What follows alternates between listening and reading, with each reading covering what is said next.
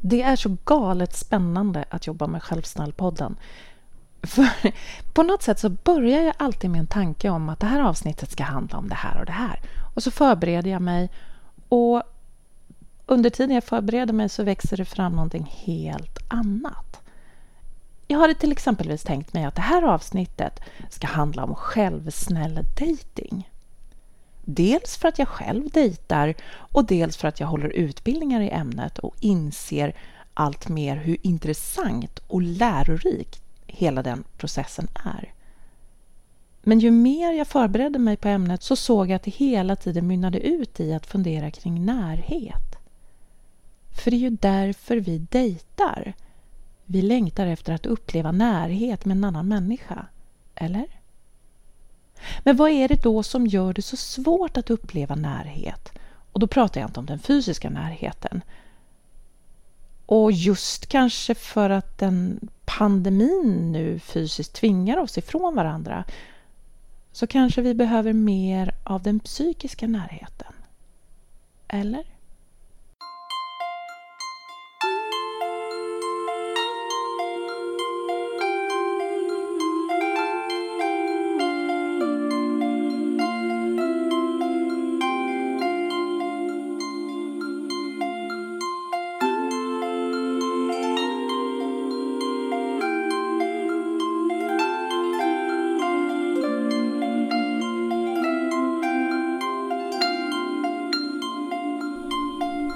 Välkommen till Självsnällpodden med Maria Hellander.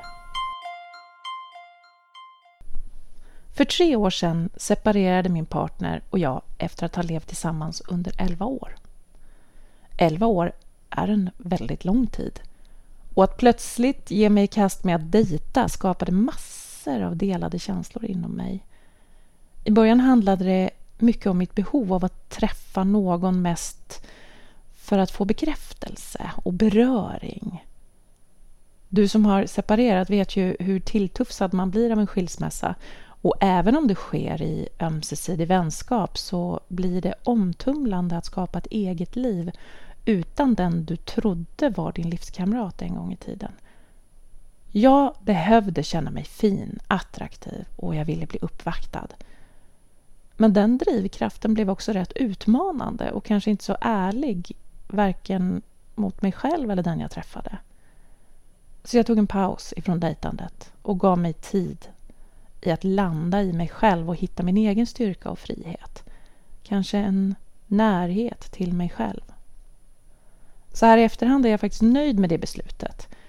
För när jag slutligen började dejta igen så gjorde jag det inte för att jag upplevde att jag behöver en livskamrat utan för att jag tyckte tycker att närhet till en annan människa berikar livet.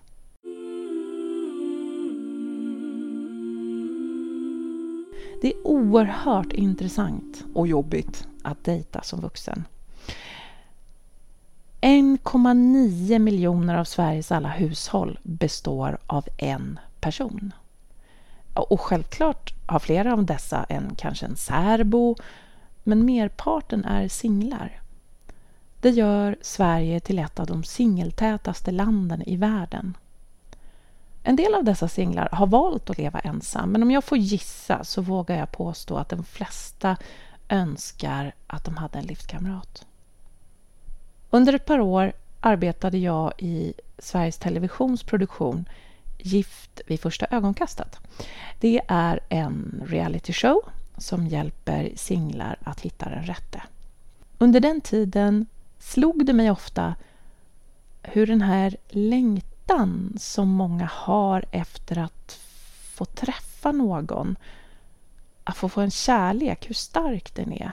Även om man trivs med sin vardag, sitt liv och det där, så finns det en saknad efter att dela både det lilla och det stora med någon annan. Att ha någon som undrar hur man mår på morgonen eller någon att få uppleva roliga saker med. Att behöva och känna sig behövd. Att få närhet och hudkontakt. Och trots att längtan är så stor så är det ändå svårt att hitta rätt. Och sen att gå ifrån attraktion till en kärlek som håller i vardagen. För närhet handlar om att våga vara sårbar inför en annan människa och samtidigt känna sig nyfiken på att möta en individs drömmar, förhoppningar och erfarenheter.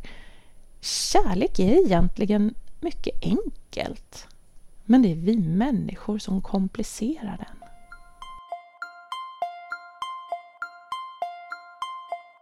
Så hur gör vi för att sluta komplicera kärlek och längtan?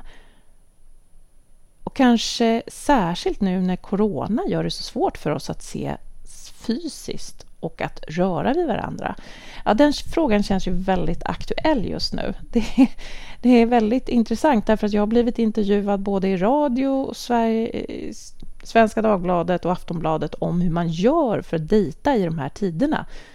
Vi längtar efter att träffa någon. Och hur ska vi göra när vi inte får röra vid varandra? Och I det ligger det ju också en sån innerlig önskan av behovet av beröring, den mänskliga närheten.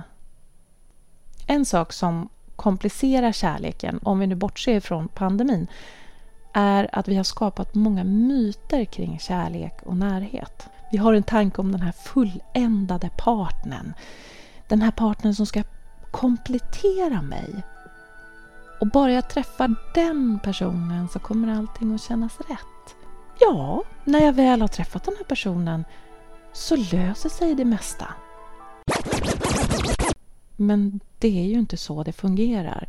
För den personen finns inte, den existerar inte överhuvudtaget. Det är alla Hollywoodfilmer, alla romantiska böcker, alla sånger, allt som vi har matats med under tiden där vi har fått lära oss att den romantiska kärleken handlar om att träffa den rätte eller den rätta. Jag tror att det är viktigt att komma ihåg att den här partnern inte finns.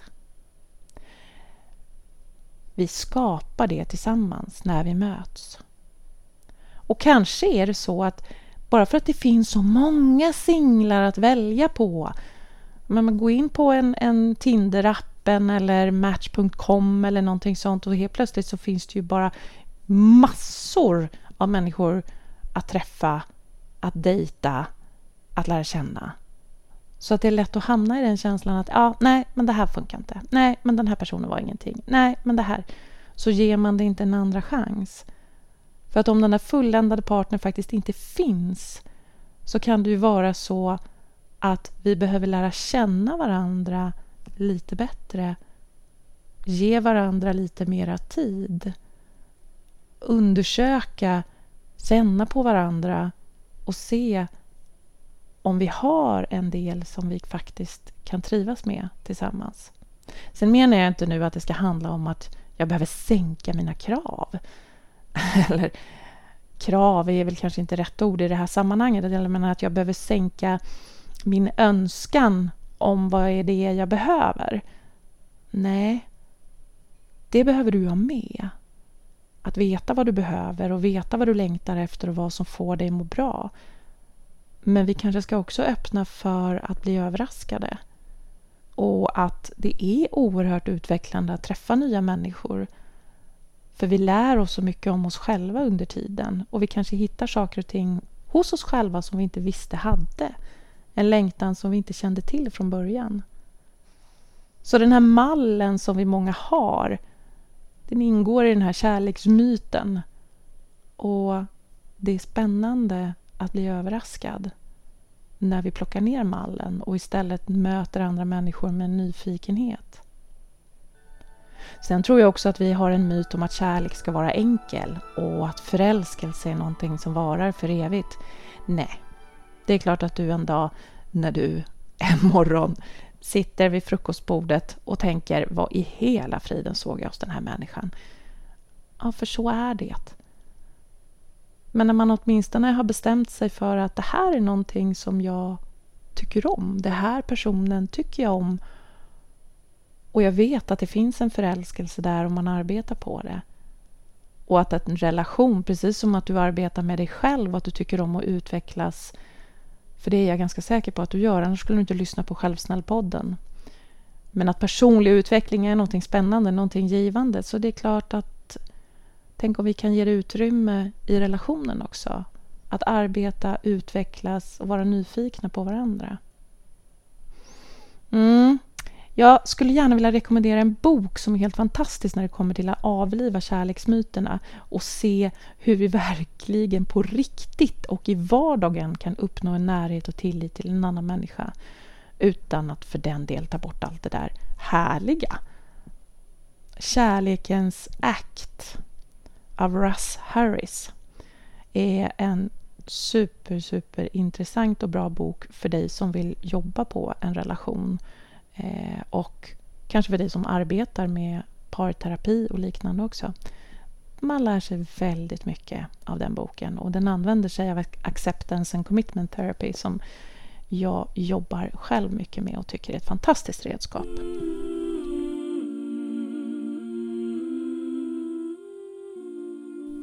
Men innan vi går in i en relation så behöver vi träffa någon vi vill uppleva den här närheten med. Och jag vet att många tycker det är så läskigt att man drar sig för att uppleva det. Har du varit arbetslös någon gång?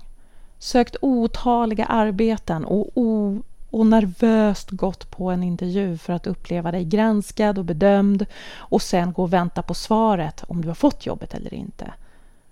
Det är lätt att hamna i samma situation när man dejtar.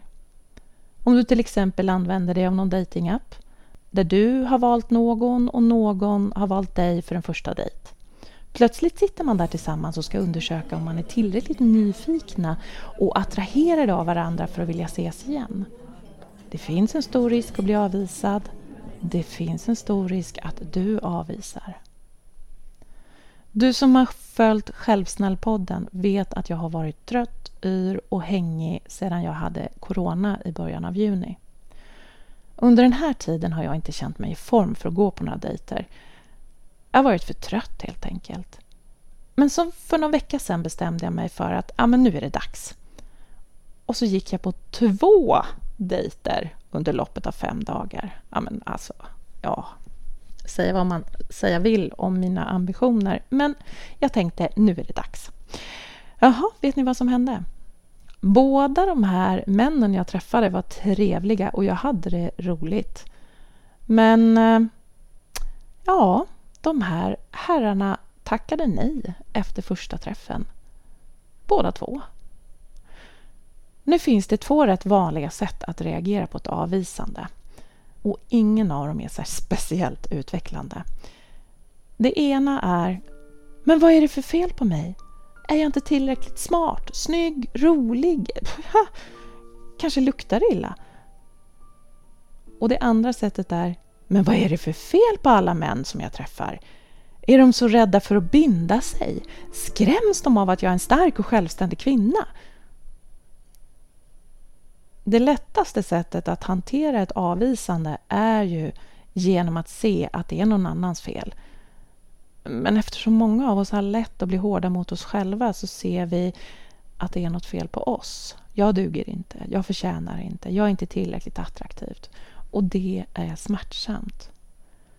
För det är svårt att inte ta ett avvisande personligt. Men ett avvisande säger ju egentligen ingenting om hur du är som person egentligen? Tänk efter. Ett avvisande säger enbart att du som person inte passar dig den som du dejtade. Och det är väl galet skönt att du inte är en sån där böjbar person som skulle passa alla du möter. Hmm. Men just det här att inte ta det personligt. Det handlar en hel del om din emotionella trygghet. En emotionellt trygg människa har lätt att känna sig avslappnad när man är med andra människor. Därför att man utgår ifrån att andra finns där när vi behöver dem. Man känner sig värd att älskas trots sina brister. Vilket gör att man kan våga hävda sina behov och söka stöd och hjälp när man behöver. En emotionellt trygg person känner en balans mellan att vara beroende och oberoende av människor. Du kanske skulle kalla det för självkänsla, men det behöver inte handla om det utan snarare en förmåga att kunna möta sin egen sårbarhet och stå på sin egen sida när det känns tufft.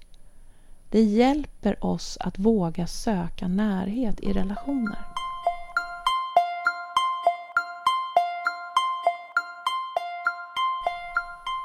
Men visst är det väl så att en del människor har lätt att leva i nära relationer och andra har det inte. Anknytningsmönster kan vara en stor del av förklaringen.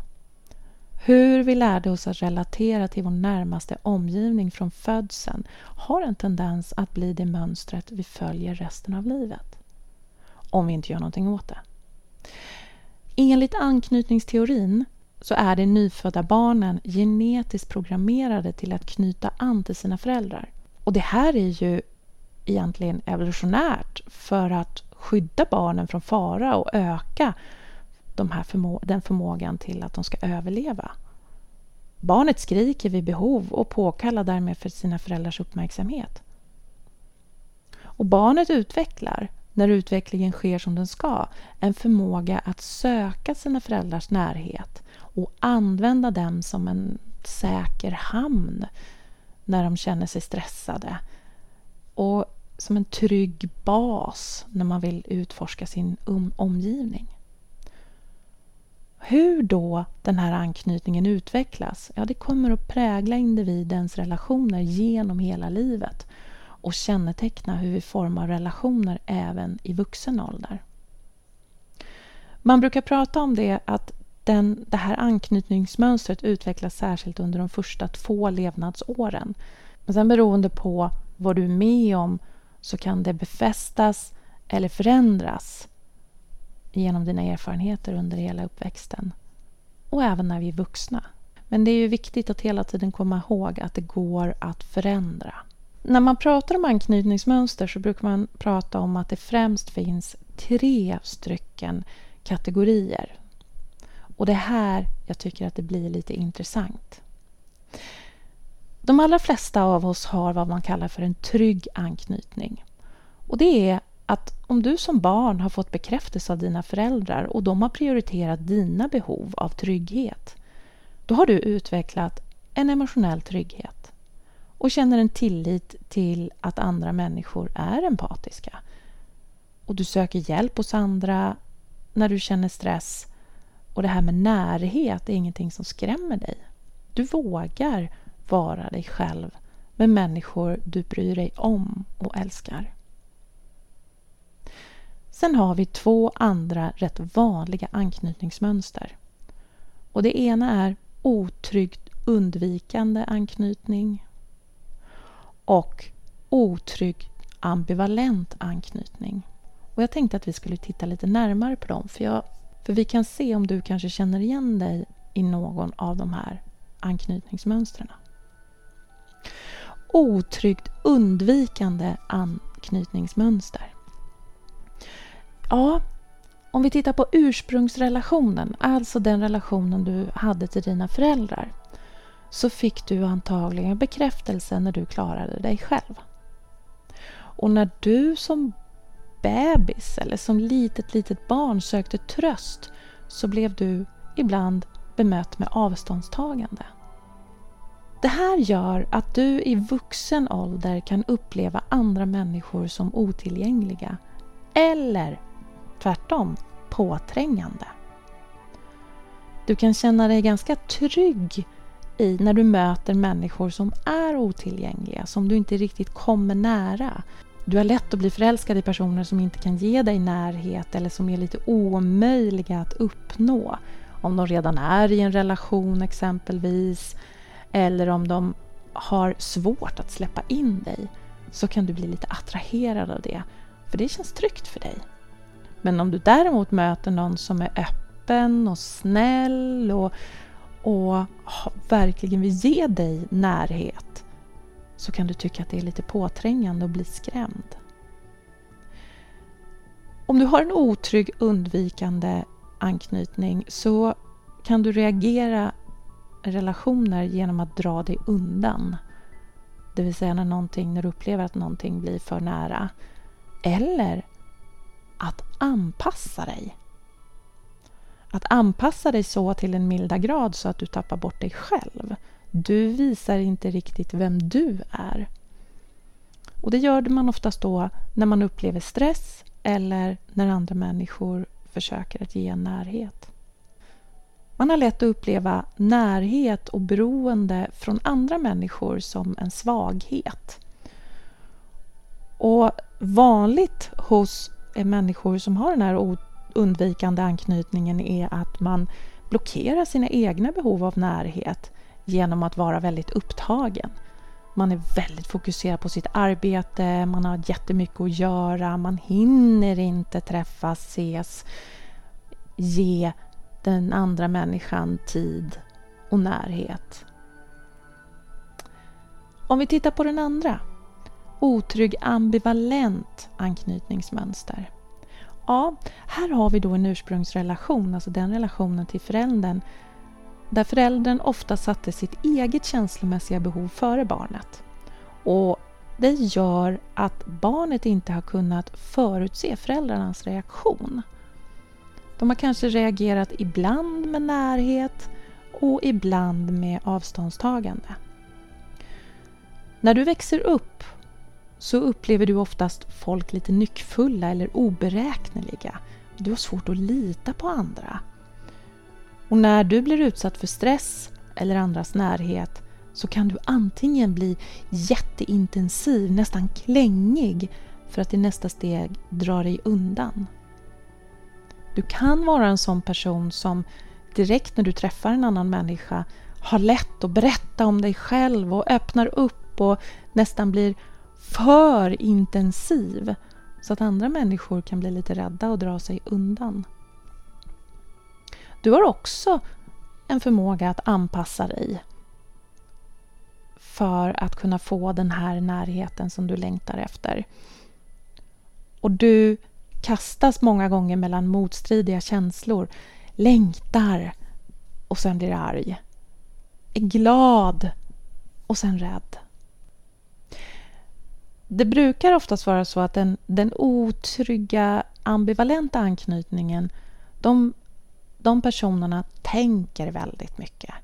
De tänker när de möter någon ny person så tänker de kring hela tiden. Är det här rätt för mig? Passar det här mig? Vad händer om jag gör så här? Kommer det här att fungera?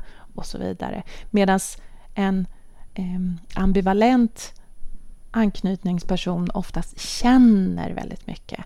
Man går in med känslor, man blir väldigt förälskad, följer sina känslor.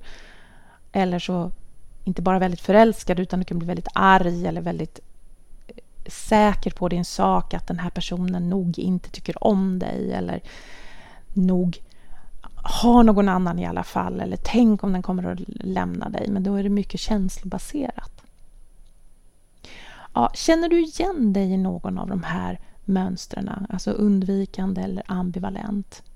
Själv har jag det undvikande anknytningsmönstret, vilket påverkar mina relationer på olika sätt.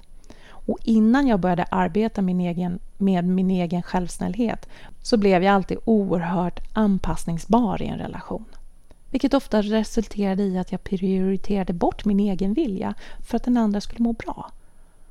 Och att jag drog mig ur relationer som blev för nära, både vänskaps och kärleksrelationer.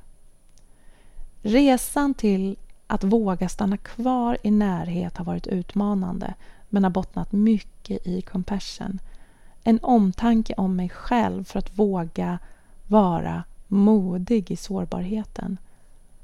Och kanske en förståelse för vad närhet är.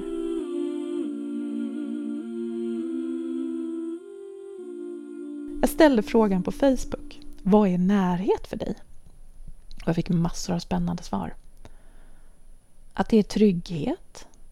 Att det handlar om att våga vara sig själv. Att känna energin flöda tillsammans med en annan människa. Jag tänker att om du har vuxit upp i ett sammanhang där närhet inte har kostat dig och du har fått sätta gränser och fått bekräftelse för att du är du så är närhet lättare att öppna upp för. Mitt sätt att anpassa mig för att få närhet har ju inte öppnat upp för den äkta närheten eftersom det krävs ju två som vågar lägga ner sitt ego och mötas bakom rädslan för att närhet ska uppstå. Så hur skapar vi då en trygg anknytning, en emotionell trygghet som vuxna? Ja, jag tror att det första steget är att börja lägga märke till hur du relaterar till andra människor, särskilt i nära relationer. Och kanske inte fokusera så mycket på hur den andra personen agerar. Du kanske behöver titta på att du behöver förändra någonting i dig om du ska skapa bättre relationer. Så att försöka se till ditt eget ansvar. För det hjälper dig inte att skylla på bagaget som du har med dig eller skylla på den andra. Och sen våga också fråga din partner om du har någon eller vänner eller familj om hur de uppfattar dig ja, beroende vilket anknytningsmönster du har så kan ju det här vara svårt såklart. Men gör det du kan. Inte det du inte kan. Kanske finns det åtminstone någon person i din närhet som du kan prata med om ditt sätt att relatera till dem. Upplever de dig som distanserad, klängig, svartsjuk? Och svara inte emot där utan tacka för att de vill hjälpa dig genom att ge dig feedback. Och när du börjar jobba på ditt anknytningsmönster eller skapa den här tryggheten. Sätt upp små delmål som du tror att du kan uppnå. Om det är så att du håller människor på avstånd, bestäm dig för att berätta någonting personligt för dem. Om du skrämmer bort andra med ditt närhetsbehov, se när du ställer krav och försök att låta bli. Och sen stanna kvar i den känslan som det väcker inom dig. Våga vara lite modig. Jag tror också att det är bra för oss att titta på vad det är som är viktigt för oss när det kommer till närhet. Vad innebär närhet till en annan människa för dig? Är det att kunna dela drömmar, tankar, vardagshändelser, att känna sig bekräftad? Är det att känna att du får ta plats, att du är viktig och att du räknas? Att dina önskningar är lika viktiga som den andres. Och hur kan du stötta dig själv i det här? Hur kan du hjälpa dig själv att vara modig när det kommer till sårbarhet?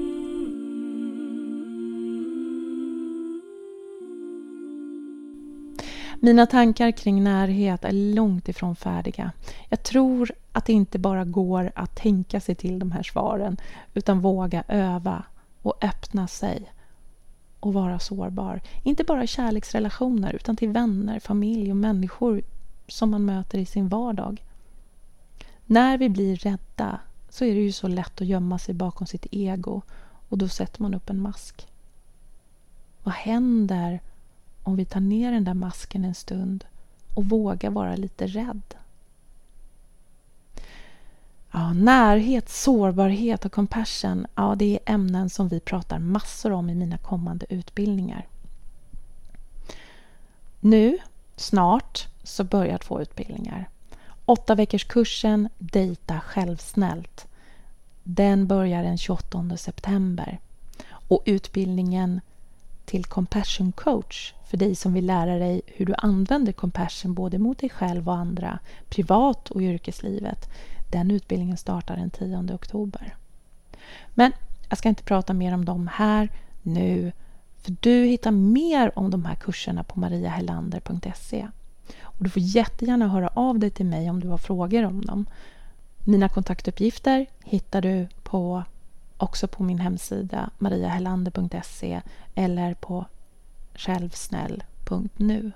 Jag hoppas att det här avsnittet gav dig tankar kring närhet, vem du är i närhet och vad du längtar efter. Och jag vill bara säga tack för att du lyssnade. Och vi hörs snart igen. Var snäll mot dig. Hej då!